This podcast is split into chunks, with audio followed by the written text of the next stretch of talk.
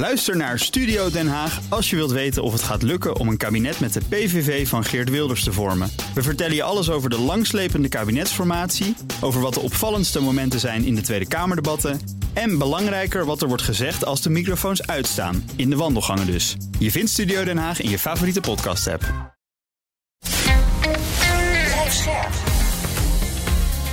BNR Nieuwsradio. Boekenstein en de Wijk. Hugo Reitsma. Dit is een extra uitzending van Boekenstein en de Wijk in verband met de oorlog in Oekraïne en de crisis met Rusland. Het is vrijdag, dag 296 van de invasie. Rob en Arjan, hoe is het met jullie? Goed, en we komen nog steeds bij van uh, de theatertour, waarvan we nu het eerste deel deze week hebben gemaakt. Ik, uh, ik vond het heel indrukwekkend, ik vond het echt fantastisch om eigenlijk uh, oog in oog te staan met heel veel van onze luisteraars. Ja. En ik vond dat echt werkelijk fantastisch en hartverwarmend. Weet je nog, die zaal in Luxor, daar kon je gewoon bijna het einde niet van zien. Ja, daar zat hmm. meer dan 900 man in de zaal. Ja. Nee, helemaal zeg. Dat al die mensen komen om zo'n zware ja. avond met ons ja. te hebben. Om heel nou ja, 2022 en, en een beetje 2023 hebben we ook gedaan, hè? Ja, allemaal en, door te nemen. En we waarschuwen ze natuurlijk ook dat het helemaal geen leuke avond wordt. Maar toch moesten de mensen nog, uh, nog lachen. Ja, we zijn natuurlijk niet de zonnetjes in huis. En het onderwerp is zwaar. En tien jaar geleden was je natuurlijk nooit gelukt om hier ooit een uh, aanvullend programma van te maken. En nu kan het wel. Dat ik dit op mijn leeftijd nog mag meemaken, jongens. hey, de rest van de tour is ook uitverkocht. Maar er is nog één kans. Aanstaande dinsdagavond vanuit de Koninklijke Schouwburg in Den Haag is er een livestream van 8 tot 10. Voor opnieuw een loodzware avond met Rob en Arjan. Als je luistert naar deze podcast, mag je dat toch niet missen, denk ik. Nee, ja. leuk wordt het niet, maar uh, wel leerzaam. Tickets via Boekenstein en de Wijk live.nl. Er gaan vast heel, heel veel mensen kijken, want dan zijn we op zijn best. Dan zijn we zo goed, hebben zoveel ervaring, zoveel kunnen oefenen, denk je niet? Ja. En dan kan je ons ook zien op de stream, ja, wat je normaal zeker. alleen kan horen. Nou, door maar Oekraïne dan uh, maar, hè, want daar is weer een hoop gebeurd, Arjan. Ja, jongens, het is allemaal vreselijk. Er zijn weer vreselijke golf van raketten neergekomen. Hè? Ja, ja. En dan ga je natuurlijk weer. Het belangrijk is van hoeveel worden er dan neergehaald. Hè? En ja, het getal wat genoemd wordt is dat 60 van de 75 zijn neergehaald. Dat betekent dat er nog 15 doorkomen. Dat lijkt me toch vrij veel. En dan, ja, dan ga je op zoek naar wat betekent dat dan allemaal. En dan hoor je dus van de Oekraïnse energiemaatschappij, zeg maar, hè, Oekraïne, Oekruneco of zoiets. Van uh, dat meer dan 50% van de stroom die Oekraïne nodig heeft, is dan dus weg.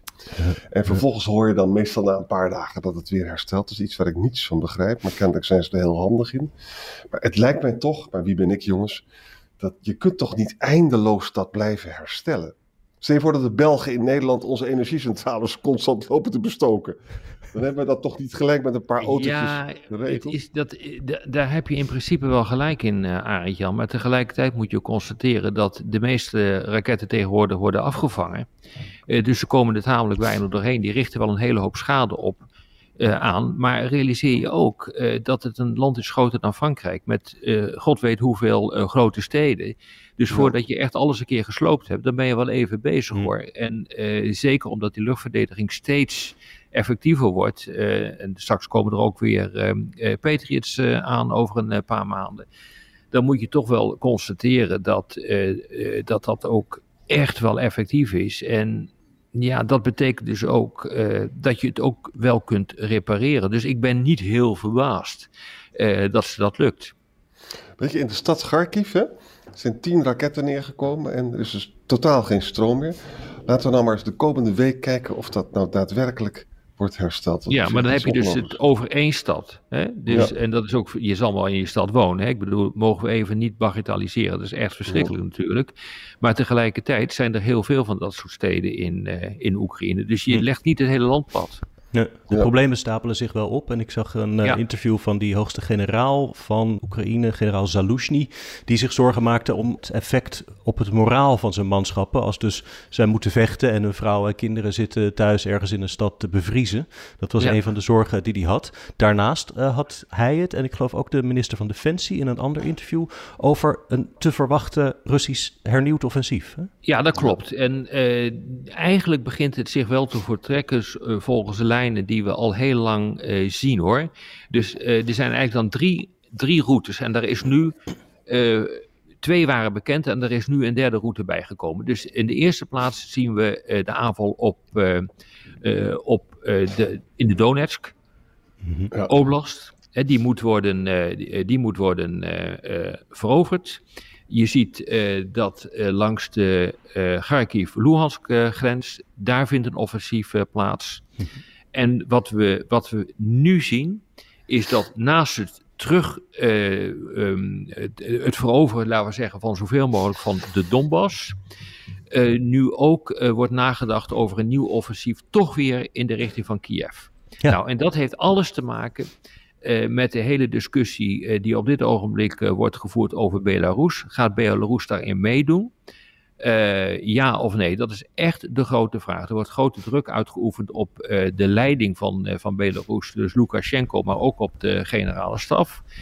Uh, Lukashenko heeft daar duidelijk niet veel trek in om mee te worden gezogen in uh, die oorlog. En wat je dan ziet is dat Lukashenko iedere keer zegt van nee, nee, maar ik heb mijn uh, leger ook nodig om het te kunnen verdedigen tegen de NAVO. Kijk maar wat die allemaal aan het doen zijn. Ik moet echt daar mijn troepen voor reserveren.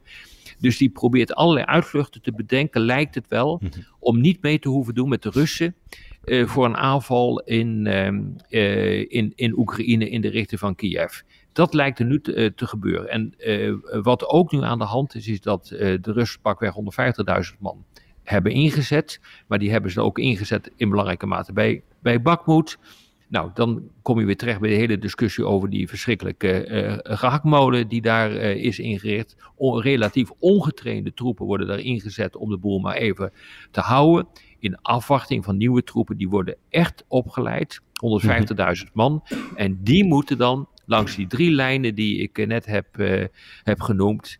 Uh, en waarvan er dus twee echt gericht zijn op de uh, verovering van de Donbass. En de tweede, de andere, steeds meer gaat in de richting van, van Kiev. Die moeten daar dan voor worden ingezet. Ja, en we moeten goed bedenken dat maandag gaat Poetin zelf dus naar Belarus toe. Exact. Lukashenko. Lukashenko zegt nu zelf, dat vind ik echt wel hilarisch hoor.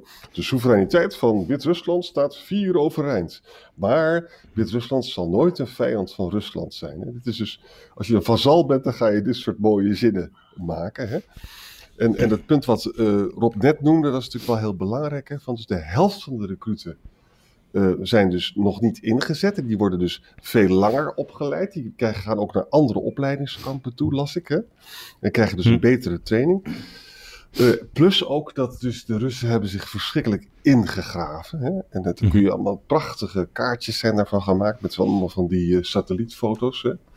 Maar dan zeggen de experts weer ja. Dat is allemaal wel mooi dat ze zich ingegraven hebben. Maar dan moet je natuurlijk wel soldaten hebben met van enige kwaliteit. En het is de hm. vraag of dat er dus is.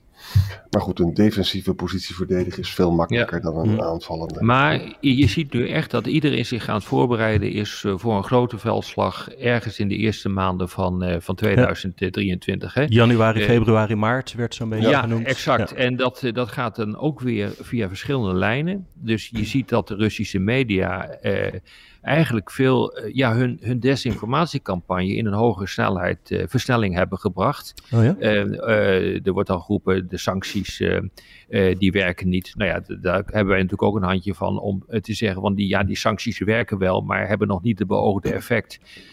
Uh, om uh, Rusland uh, uit Oekraïne te laten terugtrekken. Maar dan wordt er op de Russische televisie gezegd van in Amerika begint de oppositie tegen de sancties steeds groter, geworden, groter te worden. Hm. de Amerikanen hebben nog steeds over geheime biolabs. China staat aan onze kant als een bondgenoot. ook in het ondermijnen van het Westen enzovoort, enzovoort. En ik merk ook, Arjan, merk jij dat ook, dat ook op Twitter uh, de hoeveelheid Russische desinformatie over je heen uh, wordt uitgespoeld, dat die groter aan het worden is. Merk ja, je dat, vind ik ook. Ja. Hmm. En ook daar weer die continuïteit tussen de wappies en, en de Poetinisten. Hè? Ja, het is, ik vind het echt heel opmerkelijk hoor. Uh, het is gewoon onversneden Russische propaganda die wordt verspreid. natuurlijk door de usual subjects, waarvan we zeker weten dat die aan de leiband van, van het Kremlin lopen, bewust dan wel onbewust. Maar we zien ook steeds meer van die uh, Twitter-accounts die bestaan uit een hele hoop cijfers. En die ook de meest grote onzin over je uit zitten te uh, storten. Dus het, het, eigenlijk is vind ik van de actieve twitteraars op dit ogenblik op mijn account, nou sowieso was 80% bagger, maar een zeer groot deel daarvan uh, houdt zich nu echt bezig met het, uh, vers, uh, met het verspreiden van onversneden Kremlin-propaganda. Mhm. Echt heel opmerkelijk is dat. Ja. ja, dat is dus één kant van het verhaal. En dan de andere kant is dat je dus nu ziet dat de Amerikanen heel goed aan het nadenken zijn over wat gaan we nu nog meer doen om Oekraïne voor te bereiden voor dat nieuwe offensief. Ja. En daarmee zijn ze bezig met een uitbreiding van het trainingsprogramma. Hè? Ja. Ze hebben dus al 15.000 uh, Oekraïnse soldaten opgeleid. En nu vanaf januari willen ze er 500 soldaten per maand aan toevoegen. En dan hebben we ook. Dat is, dat is, dat dat programma samen met de Britten in Engeland? Waar ook nee, Nederland dat is in Duitsland volgens mij. Wat is in Duitsland? Dit gebeurt in Duitsland, in uh, Gravenmoer. Ja, ja daar, daar, daar, daar, daar moet dat uh, gebeuren. Ja. En daarnaast zie je dus ook, de, de Patriots hebben we de afgelopen dagen al veel genoemd. Maar ik zag ook, als ik bij elkaar veeg, je hebt iets wat heet dan de Joint Direct Attack Munition Kits. Dat zijn een soort mhm. elektronische pakketjes waarmee je een domme bom kan ombouwen tot een GPS-geleide precisieraket. En eerder hadden we ook al genoemd, dat heet dan de Ground Launched Small Diameter Bombs. Dat zijn dan raketten met een volgens mij twee keer zo groot bereik als die HIMARS nu hebben. Ja, dus dat zou, en die moeten nog worden gebouwd, hè, trouwens, volgens mij. Ja, dan moet je eh, de bom en de raket nog aan elkaar zetten. Maar daar hebben ze er toevallig heel veel van, allebei. Ja. Dat was daarbij het verhaal. Maar dus er wordt vanuit de VS ook geprobeerd Oekraïne voor te bereiden op dat aanstaande Russische hernieuwde offensief. Ja, ja. en bij het trainingsprogramma is het interessante. Kijk, het succes in Gerson, maar ook in Kharkiv, was dus het samenspel tussen panzervoertuigen, infanterie en artillerie. Hm. En, en daar daar waren de Oekraïne vroeger dus helemaal niet zo goed in. En dat zijn ze vreselijk aan het oefenen. En daar zijn ze dus succesvol in geweest uh, in Gerson en Kharkiv. Maar realiseer, dat loopt al vanaf 2015. Hè? Dus een van de grote verrassingen is inderdaad hoe die Oekraïners deze oorlog uh, voeren. Uh, vanaf 2015 zijn er wel 27.000 Oekraïners door de Amerikanen en de Britten getraind. Hè? Dat is echt enorm. En ja, daar, eh, dus die kwaliteit is gigantisch. En die Amerikanen die Britten zitten natuurlijk heel sterk op die integratie van al die wapensystemen in eenheden. En in het uh, uh, gesynchroniseerd kunnen aansturen van eenheden. En, ja, dat lukt de Russen dus niet. En daar is, dat is denk ik ook een van de grote verklaringen waarom Oekraïne dit zo goed doet en Rusland tot nu toe zo slecht. En dat, ja, weet je, dat, eh, dat kun je ook niet omdraaien hoor, uh, Rusland, uh, binnen een paar maanden. Um, dit, dit vereist een totale omslag in het, in het denken, kan niet goed gedaan worden. En daarom zie je ook iedere keer dat Rusland terugvalt op die aloude tactiek van het overweldigen met zoveel mogelijk raketten en zoveel mogelijk soldaten die dan vervolgens ook allemaal doodgaan. Ja. ja. Tegelijkertijd schreef de Economist nadat uh, dit gesprek met Salushny en Sirski, de chef van de landstrijdkrachten, dat die beide generaals er toch wel heel, heel bezorgd zijn over de situatie met de stroomvoorziening. Ze zeiden ook, de Russische mobilisatie, die heeft gewoon gewerkt. Hè? Want ja, het is wel ongetraind, maar ze hebben in korte tijd toch honderdduizenden manschappen erbij gekregen. Ja. En ze zeggen heel veel nieuw materieel nodig te hebben. Die, die ene generaal noemde 300 tanks, 500 howitzers en honderden infanterie gevechtsvoertuigen. Nou ja, dat heeft een groot leger, heeft dat in Europa zelf niet eens. Dus, nee, nee, nee, nee, nee. Want kijk, al die uh, legers in Europa, maar ook in Amerika, die hebben allemaal rekening gehouden met een korte oorlog. En dat is dit niet. Dit begint nu een slijtageslag te worden. En nou ja, goed, we, we vervallen in herhaling. Maar degene die de slijtageslag weet te winnen, uh, ja, die boekt ook de eindoverwinning op dit ogenblik. En dat is het hele punt. En ja, daar valt gewoon niet, niet veel zinnigs over te zeggen wie die slijtageslag gaat winnen. Ja. Hm. Nou, Poetin heeft ook met Modi gebeld. Maar ja, dat is, uh, Modi zegt dan van ik zou vrede wel een goed idee vinden. Maar verder hebben ze intensieve samenwerking met energie, transport en logistiek. Hè? Ja. Dus die, nou, die nemen niet de verantwoordelijkheid in morele zin, mm. laat ik het zo mm. zeggen. Nou ja, nu we toch in Azië zitten, wat er vandaag uh, ook weer in het nieuws was uh, over Japan, is wel betekenisvol. Hè? Die uh, wil zijn uh, zijn defensieuitgaven verdubbelen. Die zit nu op 1% van het uh, bruto binnenlands product. Willen net zoals uh, de NAVO-landen naar 2% gaan. Maar je ziet dus echt dat ook in Azië er wat aan het veranderen is. Hè? Dus Japan is als de dood voor wat er gebeurt in Noord-Korea. Er zijn inmiddels raketten afgevuurd vanuit Korea over Japan heen. Nou ja, dat is iets wat gewoon niet kan. China wordt steeds assertiever. daar is Japan natuurlijk echt als de dood voor. Niet helemaal onterecht, omdat een van de claims van China is de Senkaku-eilanden, die, waarvan Japan vindt dat ze bij hun uh, horen. Hm. En dat, dat klopt ook wel op dit ogenblik. Eh, ze worden ook uh, gezien als Japans, onder, een onderdeel van Japan. Hè, maar je ziet dus ook dat het daar aan het rommelen is. Dus het is allemaal niet fijn hoor, dit. Dat ligt vlakbij Taiwan, geloof ik, hè? Die ja, exact. Ja. Ja. Ja. ligt ook bij Taiwan. En het Japanse gezin is hier ook belangrijk natuurlijk. Hè? Japan heeft natuurlijk China vernederd. Hè? Uh, maar nu is het natuurlijk, China is heel machtig geworden en Japan is zeer bevreesd voor de Chinese macht. Daarnaast heeft Japan toch ook een, een problematische relatie met Amerika in de zin van, de, maar er zijn natuurlijk militaire bases daar. Er zijn ook al ongelukken gebeurd daar met dat Amerikaanse soldaten niet met hun handjes van Japanse meisjes konden afblijven. Je kent het allemaal wel. Hè? En ook in de Japanse naoorlogsgeschiedenis is dus de, eh, het idee van militaire uitgaven ligt ongelooflijk gevoelig. Maar daar gaat dus nu echt, sinds Aben weg is, worden daar stappen gezet. Hè? Ja, en ja, ja, exact. En dat zou me ook niet verbazen als Japan ook probeert een kernwapen te verwerven. Want daar heeft het eigenlijk alle reden toe om het te doen.